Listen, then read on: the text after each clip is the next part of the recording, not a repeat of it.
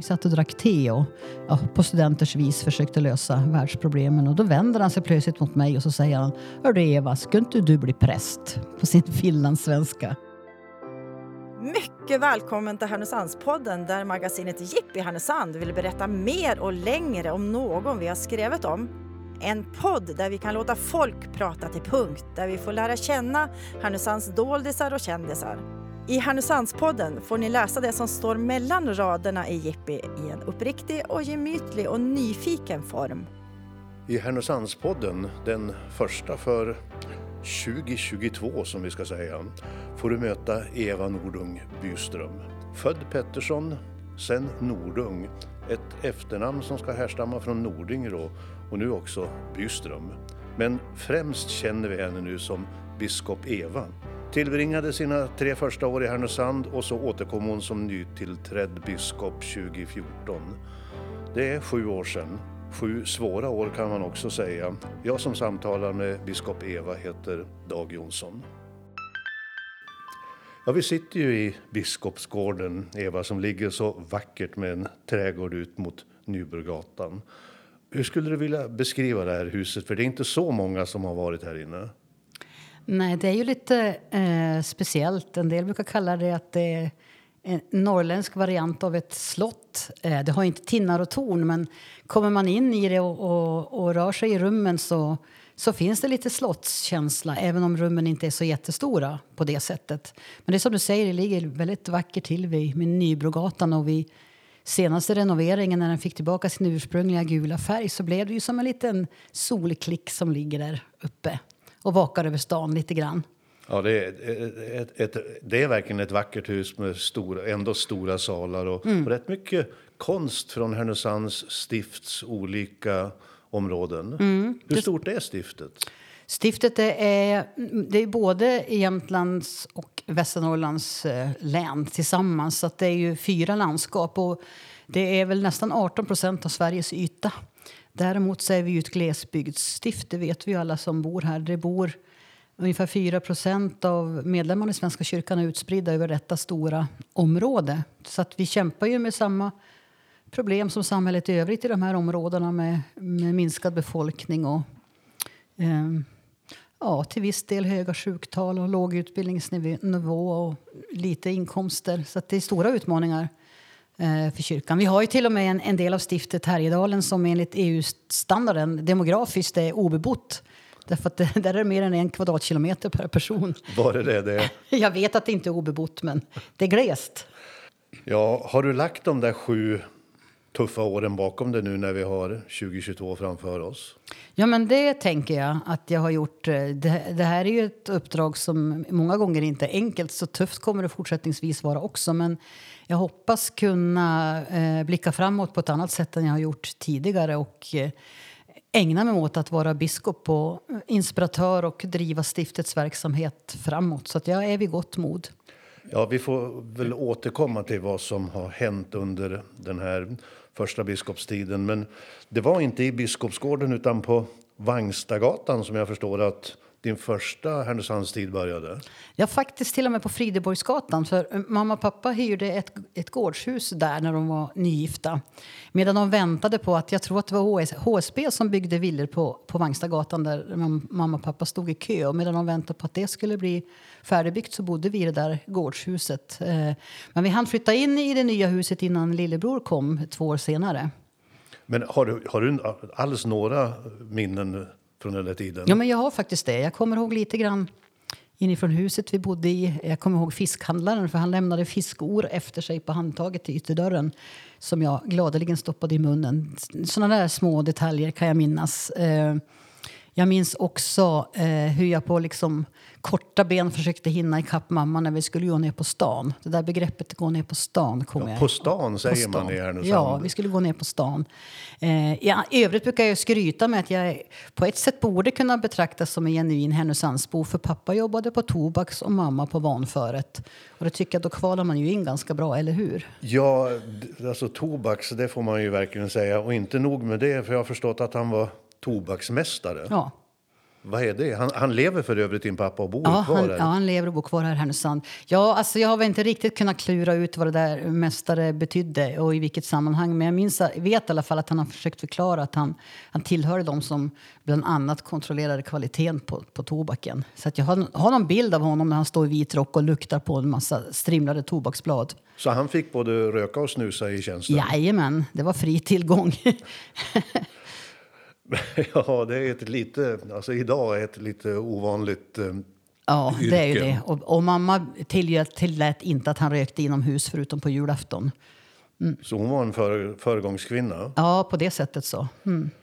Men alltså sen så fortsatte familjen med ett eh, mer kringflackande liv. För han lämnade det där jobbet som Ja, tobaksmästare. han det var inte det. hans profession. ja, ja alltså han var ju utbildad eh, eh, ingenjör inom cellulosa så det var liksom det som gjorde det. Eh, men det innefattade också det uppdraget att göra en del utlandsresor och det, där satte mamma stopp. Så att då fick han byta jobb och fick anställning på, jag tror det var SCA i Sundsvall. Så vi bodde i Sundsvall några år, eller något år, innan flyttlasset drog vidare upp till Kalix och Karlsborgsverken.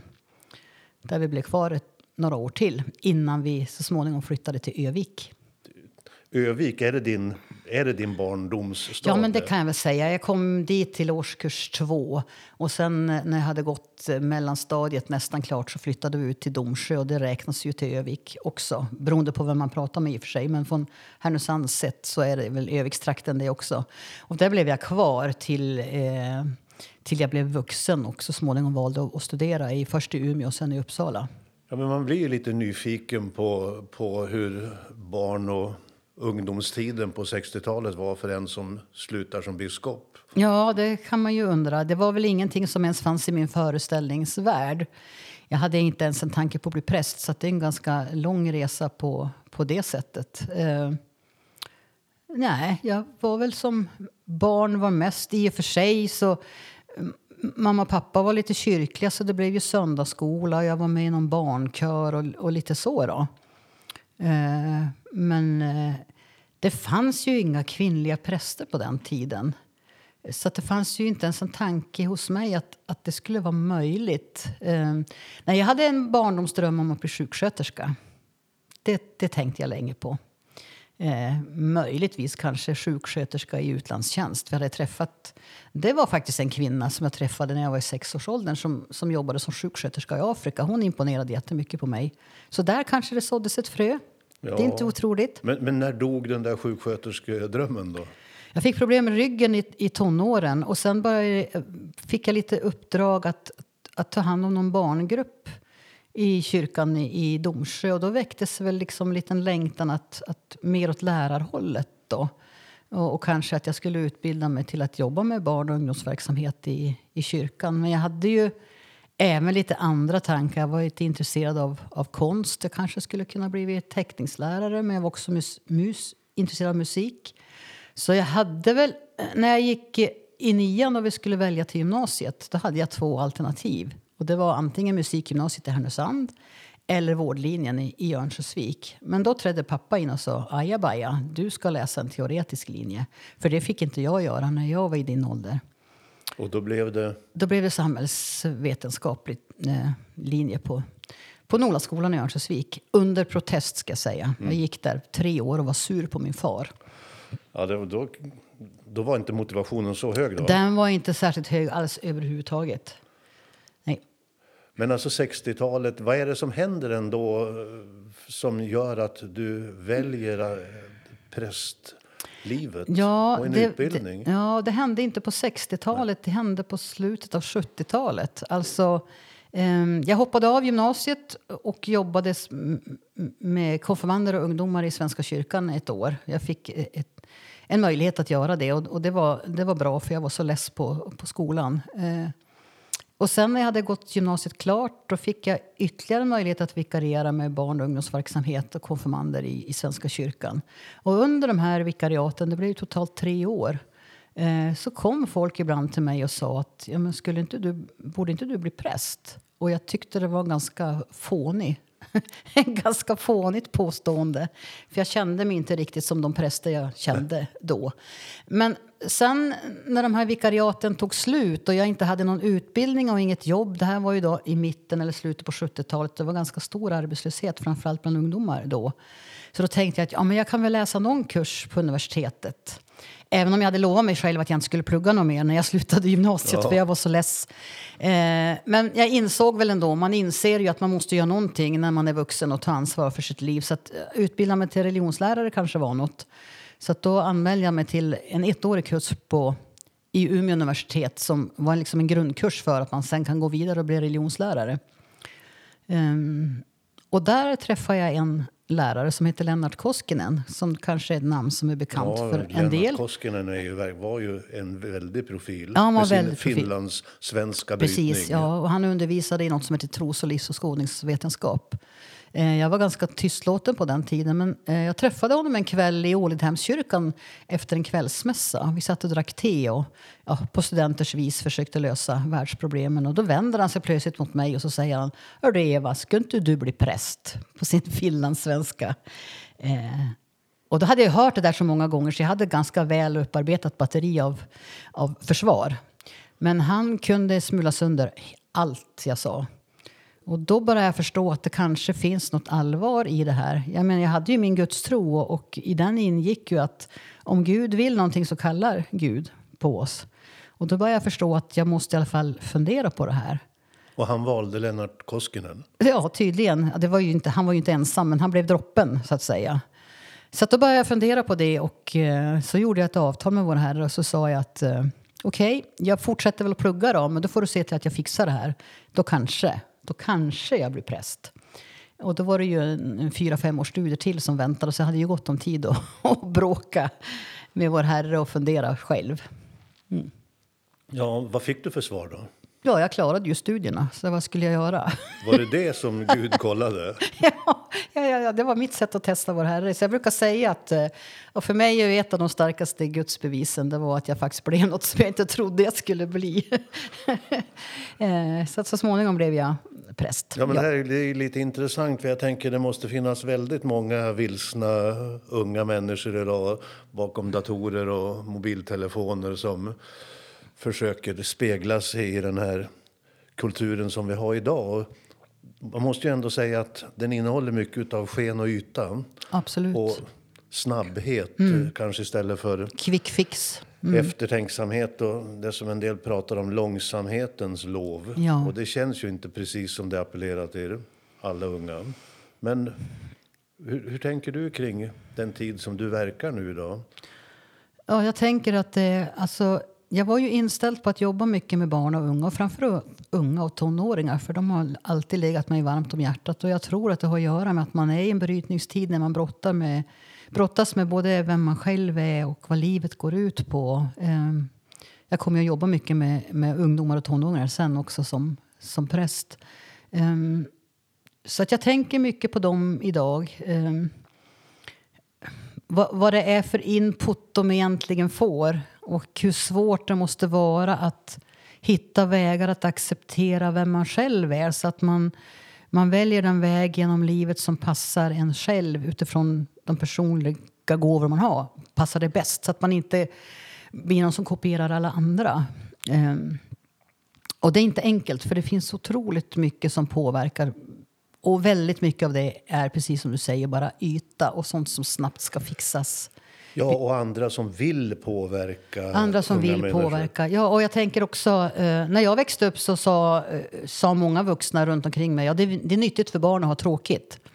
Och det har de ju rätt i, för att det är ju väldigt mycket i vuxenlivet som handlar om kanske inte jättetråkiga saker, men inte heller, det är ju inte fest varenda dag precis, det är ju mest vardag i livet och det behöver vi förbereda oss på.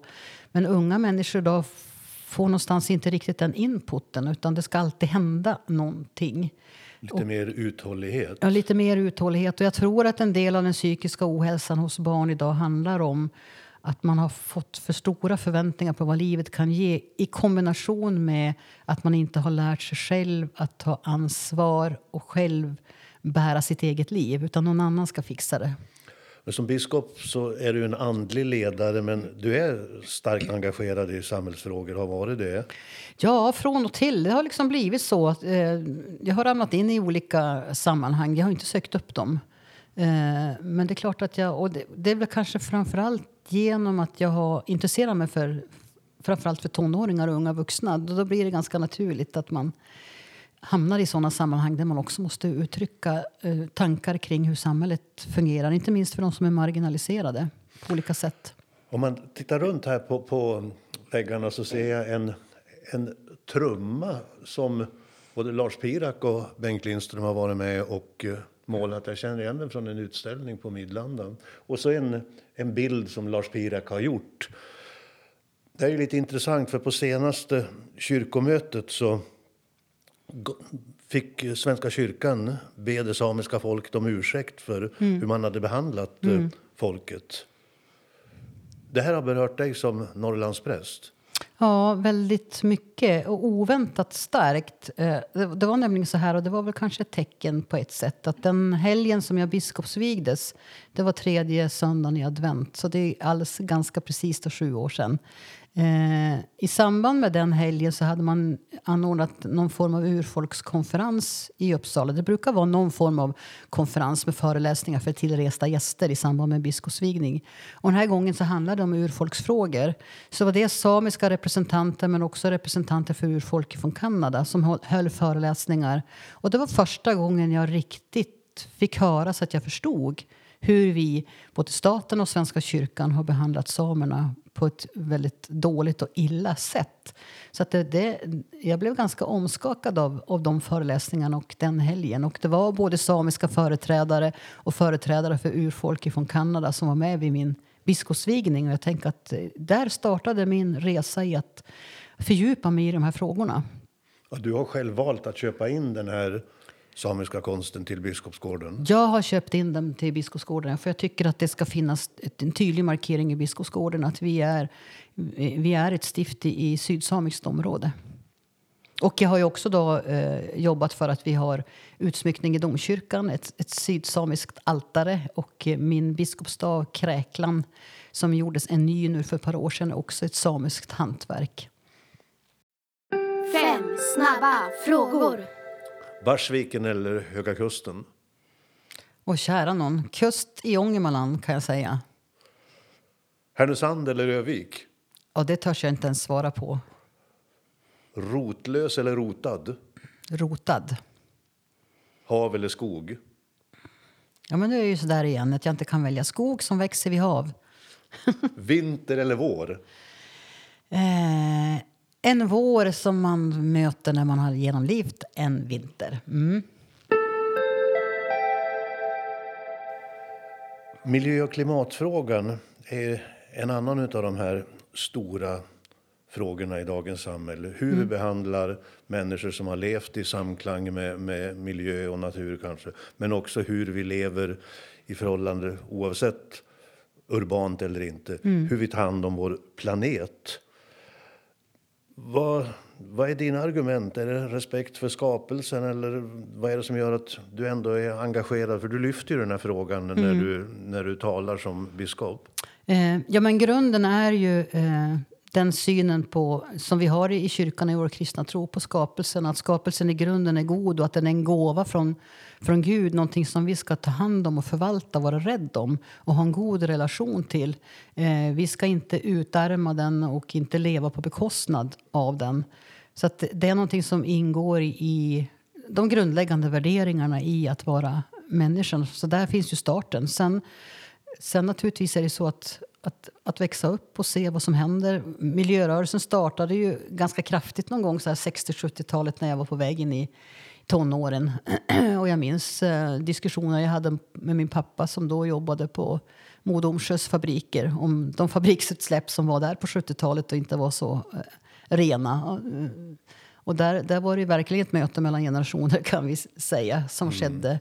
Jag har också alltid tyckt om skogen. Um, bakom min farfars torp i Nordingre så växte en jättefin skog som helt plötsligt kalhöggs och mitt blåsippställe försvann. Jag kan mycket väl förstå och ha respekt för att vi också måste leva av skogen men just hur, hur vi hanterar den, hur vi avverkar den, hur vi tar hand om den.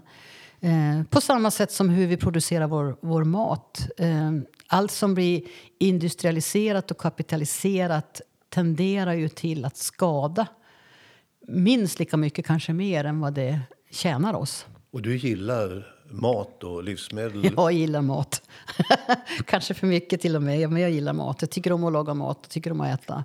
Mm. Är du noga då alltså, med vad du väljer nu Ja. utifrån det här perspektivet? Ja, det är, jag har försökt vara det eh, så länge jag har kunnat. Jag har lärt mig att laga mat från grunden ända sedan jag var barn och tonåring och har eh, väldigt sällan köpt någon form av halvfabrikat och varit väldigt glad, speciellt när mina barn växte upp, om jag har kunnat komma överens, över eh, ekologiskt eller närproducerat. Eh, jag hade till och med en period när jag köpte mjölk från en närliggande bondgård så jag kunde göra min smör själv till exempel. Sådär.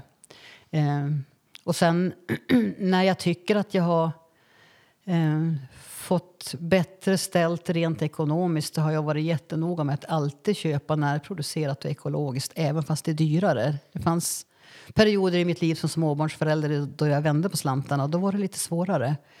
Eh, men jag tycker att det är min plikt faktiskt att Men vad stötta. tror du om våra möjligheter då att begränsa temperaturökningar, minska utsläpp av skadliga växthusgaser, klara en hållbarare utveckling? Och det tänker jag även globalt, för Mm. att det här är ju en världskyrka som du representerar. Precis. Ehm, Ja, men jag kan väl säga att jag pendlar mellan hopp och förtvivlan. Jag vill tro på mänskligheten som människans möjlighet att ta tag i saker och ting. För det har vi gjort genom all världens tider.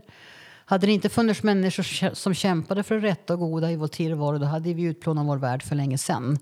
Eh, Så jag, jag tror på möjligheterna. Samtidigt som jag ser hur makt och pengar driver människor till att sluta tänka klokt och blir egoistiska. Och det är ju egoismen som är det största hotet både mot oss själva som mänsklighet och hur vi hanterar vår planet. Så kyrkans roll, Ja, kyrkans roll här är ju att fortsätta och peka på att vi har faktiskt fått ett uppdrag att så långt det är möjligt att leva i hela relationer. Inte bara till våra medmänniskor till, eller till oss själva utan också relation till skapelsen, till naturen. Och att, att vara människa innebär inte att åka igen på ett bananskal genom tillvaron utan det handlar om att ta ansvar och det kan kosta på. Och det måste det få göra. Det är en del av livets mening. Jag måste fråga när man sitter, bo- bor du i Biskopsgården? Jag har hört att ni har ett ställe i Barsviken också. Ja, vi har en, en liten stuga där. Det ska väl, I Häggdånger ska jag säga. ja, precis i Häggdångens församling som vi köpte för några år sedan. Som är en liten, liten oas. Det kan vara skönt att få vara lite privat ibland. Det är bara en liten, liten stuga, men det går att bo där året om. Annars finns det en tjänstebostad här i Biskopsgården i, i bottenvåningen. Så att oavsett jag bor där eller inte så måste jag ändå betala för mig. Det ingår i tjänsten, så det, kommer, det går inte att förhandla bort. Men du, trivs du här? Jag trivs bra i huset. Det är, ju, det är ett, ett stort hus. Eh, Det är kanske lite svårt att få det som ett hem, men det är i alla fall en bostad man kan trivas i. Annars är det, är det Höga Kusten eller Häggdångerskusten som drar mest? Ja, eh, kust och hav har ju alltid varit viktigt för mig, precis som skogen. Eh, för det är sånt jag har sett sedan jag var, sedan jag var barn. Eh, så att, att, att ha hittat den här lilla stugan med utsikt över havet eh, har ju verkligen varit en lisa för själen. Verkligen. Men jag sa Pettersson först, Mm. det föddes du som. Men det här namnet Nordung, det är lite, har en lite spännande historia. Ja, det har det. Eh, det fanns många som hette Pettersson. Eh, posten kom eh, fel till oss, till andra som hade samma namn. Och eh, min pappa funderade på vad han skulle göra åt det där. Och då fick han ett tips från dåvarande kyrkoherden i, i Nordingrå. Eftersom pappa då är från Nordingrå. Kyrkoherden hette William Edström. Att, eh, Nordingrå hette en gång för länge sedan på medeltiden Nordungarad. Alltså rad, råd. Nor- Nordungarad. Eh, och då hade han, tyckte han väl att Nordung kunde vara ett bra efternamn. Och det eh, tog pappa. Så att jag var väl drygt fyra när det där hände. Så jag minns när vaktmästaren bytte namn på namnskylten på dörren till den lägenheten som vi hyrde då, eh, borta på Högomsvägen i Sundsvall när det där hände. Du trivs med Nordung, men även med Byström. Jag trivs med Byström. Det är ju min man det. Absolut. Eh, nej, men Nordung har ju följt med oss sedan den där tiden och det har ju varit ett namn som bara vår familj har vilket har inneburit att man har fått vänja sig med att förklara vad man heter för det var ett ovanligt namn till att börja med så det är som en del av min identitet. Men det passar bra i Härnösands stift. Det tycker jag. Mm. Vi pratade ju i början om de här sju svåra åren som jag kallade det. Biskopsstriden i Härnösand, den, den blev ju väldigt eh, mycket omskriven och beskriven som en infekterad strid. Jag har faktiskt tagit med mig här en bok. Eva Nordung Byström, Nu är Guds tid. Ett herdabrev till Härnösands stift. Mm. Den här skrev du när du hade varit biskop i två och ett halvt år. Ja, ungefär. 2017. Mm. Varför skrev du den? Eh, det finns en gammal tradition att biskopar skriver ett herdabrev. Eh, ett herdabrev var ursprungligen ett brev som alltså biskopen brukar kallas för, för församlingarnas herde. Alla församlingars herde. Eh, så biskoparna har alltid skrivit någon form av brev där man förklarar hur man tänker vilka mål man har för sin biskopstid och vad man, har, vad, som, vad man tänker driva för frågor och så vidare. Så att den, den tradition som i princip alla biskopar har fullföljt även in i vår tid. Så det där är ju då en, en bok som dels beskriver mitt eh, ja, det, det ord som jag har som mitt ledord, eh, nu är Guds tid. Eh, men som också beskriver lite grann om hur kyrkans organisation ser ut och hur, vad jag upplever utifrån de samtal jag då, de, under de första åren hade med stiftsstyrelse, domkapitel, medarbetare på kansliet, eh, kyrkoherdar och prostar runt om i stiftet vad man såg skulle behövas satsas på i vårt stift. Och det är det jag då lyfter i det här herdabrevet. Men den här Nu är Guds tid, ja, men det är en 2000-årig kyrka. Mm. Och först nu, Guds tid, eller hur ska vi förstå den här titeln? ja, den där titeln är hämtad egentligen från ett, eh, ett bibelord. Eh, som på svenska från grekiskan är översatt till att nu är den rätta tiden. Eh, och för att det här ska kunna förklaras så, så måste jag då eh, berätta att på grekiskan finns det två ord för tid. Ett som heter kairos och ett som heter kronos. Kronos, det kan man ju höra på namnet, att det är liksom den linjära tiden som vi mäter i timmar och sekunder och år och dagar. Eh, man kan säga här och nu och förr och i framtiden. Kairos är ett, ett grekiskt ord som beskriver tid som inte är linjär och inte sitter fast i mätbara stunder utan är en tid som är rätt när den är rätt precis här och nu eller när den infaller. Och i Bibeln så används kairos som beskrivningen av Guds sätt att se på tiden. Och för Gud är tiden viktig här och nu, alltid. Så den var det för 2000 år sedan och den är det nu. Så i varje nu så finns den här vad ska jag säga, livspulsen och livsenergin som är Gud. Och då är varje tid viktig här och nu. Men en omstridd tid, sa jag. Finns det något tredje ord för en omstridd tid? För var du förberedd på det som skulle komma att hända dig? Nej, det kan jag nog inte säga att jag var. Eh, lite förberedd på att det inte skulle kunna vara enkelt, men det är ju inget enkelt uppdrag. Men att det skulle... Nej, men att det skulle torna upp sig på det här sättet och explodera på det här sättet, det fanns inte ens i min vildaste fantasi. Nej, det gjorde det inte. Därför att när det här drevs längre och längre så, så ville man avsätta dig? Ja, det fanns några som ville det. Det var ju inte grundat hos alla, men några. Mm. Du skriver ju mycket. Jag tycker det man behöver ju faktiskt tränga in i det här lite grann för att förstå att kyrkan inte bara är något ställe där man lyssnar på högmässan eller mm. viger sig eller döper sig eller begraver sig tänkte jag säga. Utan du pratar om en kyrka på två ben. Den mm. är dels, du är dels den andliga inspiratören och mm. ledaren. Mm. Men det finns ett annat ben också där man är arbetsgivare och chef och, och förvaltare. Ja. Eh, och, och det kan vara viktigt att lägga märke till eftersom vår kyrka är organiserad så att vi förvaltar fastigheter, inte minst kyrkobyggnader. Vi har ett uppdrag av staten att, att förvalta det kyrkliga kulturarvet. Vi har ett uppgift från staten att, att bedriva begravningsverksamhet. Det är ju statlig verksamhet, men det är uppdraget vi har. Och vi har anställda och, och då är vi arbetsgivare som vilken arbetsplats som helst. Och, och stora det, skogar? Ja, stora skogar. Men där har vi en, en bild, faktiskt som vi måste bli mycket tydligare med. Vi äger inte skogarna utan vi förvaltar dem. Det är också troligtvis eh, i grunden eh, statliga skogar. Men det finns eh, vad ska jag säga, stiftelseliknande eh, skrivningar kring de här skogarna eh, som gör att kyrkan har rätt att förvalta dem och, och ta reda på avkastningen ifrån dem. Men vi äger dem inte. Men det finns alltså en lag som reglerar den svenska kyrkans verksamhet? Ja, det finns en lag som reglerar Svenska kyrkan att den ska vara en evangelisk-luthersk episkopal kyrka. Att vi ska vara rikstäckande och att vi ska bedriva en grundläggande kyrklig verksamhet. Och sen att vi ska ha de här förvaltande uppdragen. Förutom att vi är arbetsgivare och, och har hand om en ekonomi så ska vi också förvalta åt hela svenska folket det kyrkliga kulturarvet. Alltså alla gamla kyrkor, alla gamla föremål. Och vara huvudman för begravningsverksamheten. Och du har fyra landskap, två län som omspänner Härnösands mm. stift. Men du, du går ju ganska grundligt tillväga i den här boken om man är lite organisationsutvecklingsintresserad. Mm. Och, och, det kanske det var en kompass som du hoppades att man skulle ta till sig då i, i stiftet? Ja, alltså jag upplevde med mina samtal med, med dels, vi har ju flera styrelser på stiftsnivå, men också ute i församlingarna. Ehm, för den här boken lanserades i början av en ny mandatperiod där det kom väldigt många nya förtroendevalda. Ehm, så att jag upplevde att det fanns ett stort behov att lära att kunna mer om den egna organisationen.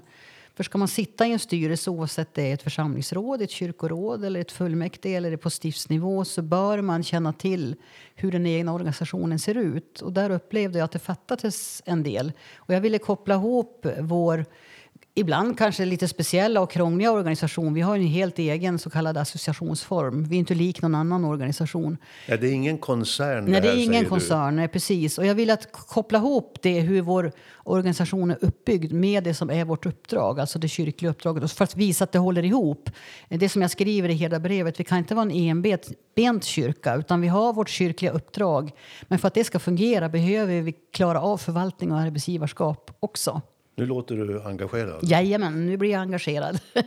Har det varit svårt att få fram det där budskapet? Då? Både ja och nej. Eh, det är väl som i alla sammanhang. En del är jätteintresserade och kunniga och andra är inte intresserade. Och då kanske man inte ens hör det här.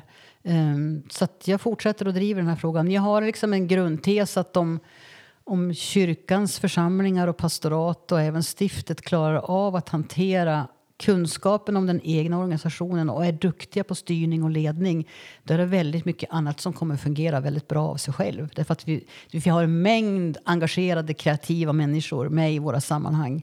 Man utövar så att säga sin sin kyrkliga verksamhet i församlingen. Du säger att det är basen. Församling... Basen är toppen i organisationen. Ja, församlingen är basen. Eh, vi kan inte kalla oss kyrka om vi inte har församlingar. Så det, det liksom konstituerar hela kyrkan. Men sen har ni kyrkoordning och ni har kyrkomöte och ni har stiftsstyrelse och domkapitel och biskop och så folkvalda politiker. Mm. Mm. Det låter ju lite krångligt. Det är lite krångligt, men då ska man komma ihåg att vi dels är vi Sveriges största ideella organisation, jättestor organisation. Dels är vi Sveriges äldsta, vi har rötter ända från 1500-talet. Så att det är en del av organisationen som lever kvar sedan dess. Och, och sen är, genom att vi är också ett trossamfund så har vi ju en grundläggande ideologi som vi inte kan bortse ifrån som påverkar hela vår organisation. Men efter 2000, skriver du i, i ditt brev, då ska man inte längre tala om kyrkopolitik eller kyrkopartipolitik. Hur ser du på de folkvaldas eh, roll? Jag ser de folkvaldas roll som väldigt viktig. Eh, vi brukar tala om att vi har två ansvarslinjer i kyrkan. Vi har dels de som är vigda till tjänst, alltså präster, diakoner och biskopar som ska bära det ideologiska uppdraget. Eh, men vi har också förtroendevalda som ska representera våra medlemmar och folket. Eh, och det är oerhört viktigt att vi har det här ansvaret tillsammans. Inte var och en för sig, utan tillsammans. Alla har vi ansvar för den kyrkliga verksamheten och för förvaltningen tillsammans. Det som har gjorts tydligt sen vi eh, ändrade relation till staten år 2000 det är att vi pratar numera om nomineringsgrupper inte om partier, utan nomineringsgrupper. Och de kan se ut lite hur som helst. Det behöver inte vara ett politiskt parti. Det finns många andra grupper också. Och deras huvudsakliga uppdrag det är att eh, nominera personer till eh, fullmäktige sammanträdena. Sen är det fullmäktige som utser styrelserna, om det är nu är kyrkoråd eller stiftsstyrelse. Och man är inte tvungen att plocka folk från nomineringsgrupperna till de styrelserna. Man kan också plocka in människor som man tycker kompetenta på vissa eh, områden. Så att var och en som sitter i ett kyrkoråd eller ett församlingsråd eller en stiftsstyrelse eller domkapitel egendomsnämnd har ett eget personligt ansvar för sin styrelseplats som man kan jämföra med en styrelse i, i näringslivet. Man svarar inte mot någon, någon grupp utan man svarar inför sig själv utifrån det mandat som man har fått från kyrkoordningen. Och det är väldigt viktigt att lyfta fram. Men när den här konflikten var som djupast mellan stiftskansliets ledning och dig och några folkvalda då. Mm. Inte ens ärkebiskopen gav det fullt stöd utan undrar om du ville kliva av. Hur kändes det? Ja, hon sa nog inte så utan hon, hon sa att jag behövde fundera över om jag hade några villkor som jag ville, ville ställa ifall att det här inte skulle gå vägen. Så att det var inte, hon kan ha blivit felciterad där. Eh, det det handlade om det var att, att några ledamöter i stiftsstyrelsen trodde att de var min arbetsgivare så att de, de ensamma skulle kunna eh, säga upp mig på grund av arbetsmiljöproblem som fanns på stiftskansliet. Eh, men jag är ju inte chef på stiftskansliet så det handlade ju inte om det. Och det visade sig sen också att det, de beskyllningar som kom ägde ingen grund. Och, och det sig sen också så att när överklagandenämnden fattade sitt beslut att stiftsstyrelsen har inte mandat att säga upp en biskop. De hade inte läst Eva Nordung Byströms Nu är Guds tid? Det törs jag inte svara på. En del kanske inte hade läst. Andra Men där kanske... framgår det klart det som där du säger. Framgår det klart vem som ansvarar för vad. Ja, det, så att det, eh, hade man läst och studerat noga och, eh, det var väl det som gjorde att jag blev så förvånad över att man hanterade frågan på det sätt som man gjorde. Men det, det slutade med att du fick sjukskriva det? Ja, alltså man kan ju inte leva under press hur länge som helst eh, och jag är inte heller ung längre. Eh, så det var faktiskt mina fackliga företrädare som sa att nej, nu går du hem och vilar för det här, du kommer inte orka. Eh, så att jag var sjukskriven en månad. Och överklagnings, överklagandenämnden mm. Gav det rätt till sist. Hur kändes det? Utslaget? Ja, men det kändes ju väldigt gott. Jag fick ju själv svara på en massa inlagor och skriva till överklagandenämnden. Sen var det ett par stycken till som också överklagade beslutet. Från, man kan alltså överklaga beslut från stiftsstyrelsen till överklagandenämnden och det gjordes. Och de de gjorde samma tolkning som, som jag eh, gjorde när, när jag skrev den här boken och som andra har gjort när man läser vår kyrkas ordning. Vi har ju alltså en kyrkoordning, det är vår egen stadga och den är juridiskt väldigt tung. Eh, så att eh, jag, jag, blev inte förvånad över utslaget men jag blev tacksam över att de skrev det så tydligt. Och du hade stöd av många av, man får säga, dina präster? Ja, inte bara mina Nej. präster utan eh, eh, medarbetare runt om i stiftet, både präster och förtroendevalda, men inte bara i stiftet utan i hela landet och även utomlands ifrån. Det var som du sa inledningsvis, vi tillhör ju en, en världsvid organisation och vi har ju kontakter internationellt så det här har följts eh, på bred front. Så hur känns det nu då, 2022? Det känns, det känns bra inför 2022. Vi har ju varit... Ja, det kom ju en pandemi mitt uppe i alltihop så det blev ju som svårgreppbart allting. Det har ju fått skett...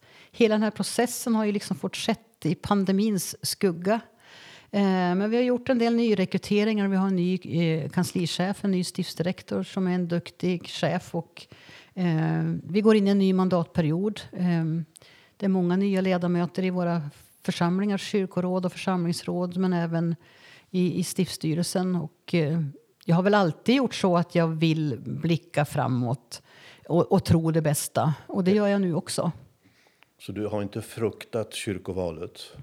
Nej, det har jag inte. Men det är klart att jag har varit nyfiken och funderat på vad det skulle bli för resultat. Stämmer det att du har fått en ny biskopsutstyrsel också? Ja, en biskopsskruv, det stämmer. Ja, hur mm. ser den ut då? Eh, den är vävd i en mariablå färg och det är en ganska mild, man skulle kunna säga duvblå, på en guldbotten. Så att på avstånd ser den lite så här gråblå ut. Och så är det lite medaljonger med änglar på, på den. Och så lite eh, olika ranker och krumelurer. Är, är det där en personlig skrud som, alltså om man, om man går till skräddaren, det blir måttbeställt eller? Eh, jag vet ju att de frågade, det det var någon som hade frågat min man hur lång jag var, det fick jag veta sen. Men det är det enda måttet som är, är taget. Nej, jag ser det här som en gåva till, till stiftet. Eh, den gamla biskopsskruden som är liksom den ordinarie, den är sedan 60-talet och börjar bli ganska nött och dessutom väldigt tung och otymplig. Så att det behövdes en, en ny. Ja, du pratade om ditt konstintresse eller Mm. att du skulle bli teckningslärare. Har du fått vara med och utformat den här och välja någon? Nej, jag visste inte ens att, att, jag, att jag skulle få den. Så att det var en total överraskning. Vi hade präst och diakonmöte här tidigare höst. Så i, I en av gudstjänsterna så kom det en kommitté och överlämnade den. Så att jag, nej, jag, de hade lyckats hålla det hemligt. Och du de- trivs i den? Jag trivs i den, ja. Den, den, den här staven, Mm, kräklan, ja. ja. Du berättade lite om den, men särskilt träslag eller alltså hur vill du beskriva den då? Ja, den är ju då gjord av en samisk hantverkare eh, med olika symboler, samiska och kristna symboler som har vävts in i varandra. Eh, så den är jag väldigt glad och tacksam över. Den är gjord i trä. Några andra symboler som du måste bära som biskop? Korset som jag har på mig nu också. Eh, det här korset hängs på en i samband med biskopsvigningen och så får jag ha det under tiden jag är biskop och sen lämnar jag tillbaka det. Och Härnösands stift är en föregångare. Men du är en kvinnlig biskop. Men 1960 så klev Ingrid Persson in i en ny gemenskap. Hon var ju en av de tre första kvinnorna i hela landet som vigdes till präster och det skedde ju samma helg fast i olika domkyrkor då. Så att på palmsöndagen 1960 så prästvigdes Ingrid Persson till Härnösands stift och vi kan också vara stolta över att vi hade en biskop, han kanske till och med hade hunnit bli ärkebiskop då, Gunnar Hultgren som var en av dem som verkligen stred för att eh, prästämbetet skulle öppnas för kvinnor. Och det beslutet togs av kyrkomötet 1958. Så att, eh, det är ju ganska länge sedan nu. Så framtiden då för Härnösands stift. Du sa ju att det är lite glest. Och det är många som inte är medlemmar i Svenska kyrkan. Först måste man ju fråga varför vi ska påverkas av tro. Ja, Du, du skriver ju i den här i det här herdabrevet någonting som du har lånat från Norge plus ett. Att om varje medlem värvar en, då blir vi ju dubbelt så många. Men, men eh, vad är argumenten? Ja, argumenten är ju dels då naturligtvis att jag tror att det finns en, en god skaparkraft i tillvaron och att, att eh, vi är skapta till att, att leva i, i närhet och i gemenskap med den skaparkraften. Och att det också ger en, en, en livsmening.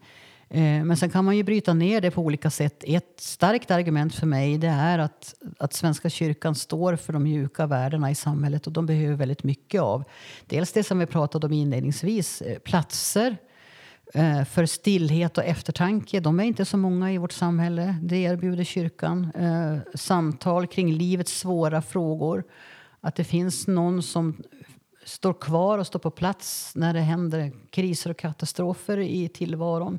Men också att vi bejakar eh, alla de här existentiella frågor som alla människor bär på och att det finns någon form av en andlig verklighet som man faktiskt inte behöver uttrycka med ord att man har en stark eller svag tro på utan som man kan på något sätt få vila i i alla fall. Och jag tror att vi har ett stort, en stor uppdrag där i Svenska kyrkan i mötet med alla åldrar. Men det här urkristna budskapet att behandla andra som du vill behandla, bli behandlad själv eller göra för andra hur du vill att andra ska göra för dig.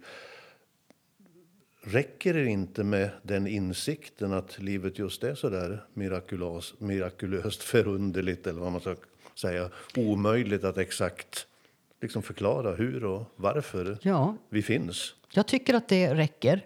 Eh, man brukar säga att grunden till all, all tro är förundran. Och varje människa som stannar upp och tänker till lite grann eh, och ser eh, på tillvaron runt omkring eh, att, att livet finns, vad är det för någonting? Att det kan komma blommor ur ett litet frö, vad är det för någonting? Alltså det finns så mycket som helst att förundras över och det räcker, det räcker hela vägen tycker jag att man konstaterar att det finns så mycket inte jag, jag inte förstår men att jag vill lita på att vi är omslutna av någon sorts godhet i alla fall. Men därifrån kan man ju vilja utvecklas vidare i att fördjupa sig i, i de andliga frågorna men också i de stora livsfrågorna. Och det tycker jag är viktigt att vi ger rum för. Att förundras och inse att tillvaron är större än vad vi kan begripa det är ändå en, en sorts yta som, som eh, döljer ett stort djup. Och det djupet vill vi också kunna ge. Men är inte det djupet också en, en längtan efter trygghet kanske när man står ensam? Ja, naturligtvis. Vi längtar väl alla efter trygghet men jag tror att det är ännu mer en längtan efter sammanhang. Um, vi behöver känna en känsla av sammanhang för att vi ska klara av livets påfrestningar. Och det behöver inte alltid vara samma sak som att vara trygg. Um, det skulle vi kunna prata ganska mycket om. Um, så att det här är ett ganska brett perspektiv vad vi människor behöver för att hitta en livsmening. För att livsmening kan du ha i ett sammanhang som är ganska hotfullt också. Eh, du kanske behöver det ännu mer då. Väldigt många av de som kommer från andra delar av världen är ju inte alls så sekulariserade som Nej. vi. Känner du av det i mötet med andra kulturer, ja, människor från andra kulturer? Det tycker jag att jag gör. Och människor som har verkligen blivit utmanade av, av, av livets ondska och tillvarons jäklighet eh, verkar ha en större förståelse för att man behöver en, en eh, tilltro till att det finns någon, en god kraft i tillvaron. För oss som väldigt många av oss har det ganska bra och livet bara flyter på så, så känns inte det lika behövligt. Så, att, så att för mig har det blivit väldigt tydligt att det är inte så att man tappar självklart tappar en tro när, när man möter livets problem utan det kan snarare vara precis tvärtom. Fem snabba frågor. Tro eller vetande? En kombination. Gamla eller Nya testamentet? En kombination. Chef eller ledare? Ja, hörru du. Va, vilka krångliga frågor. Man behöver både ledare och chefer, men det måste vara en chef som kan vara ledare. Frukost eller middag? Frukost. Det var det lättare. Mm. Uppkopplad eller avkopplad? Både och. Ja, du får fortsätta. Du sa att vi skulle kunna tala länge om det, det stämmer. Men om Guds tid är nu eller inte. Du skriver ju själv att det enda vi kan veta det är att vi finns nu. Det är det enda det vi kan veta, precis. Dag för dag får mm. man väl tillägga. Mm.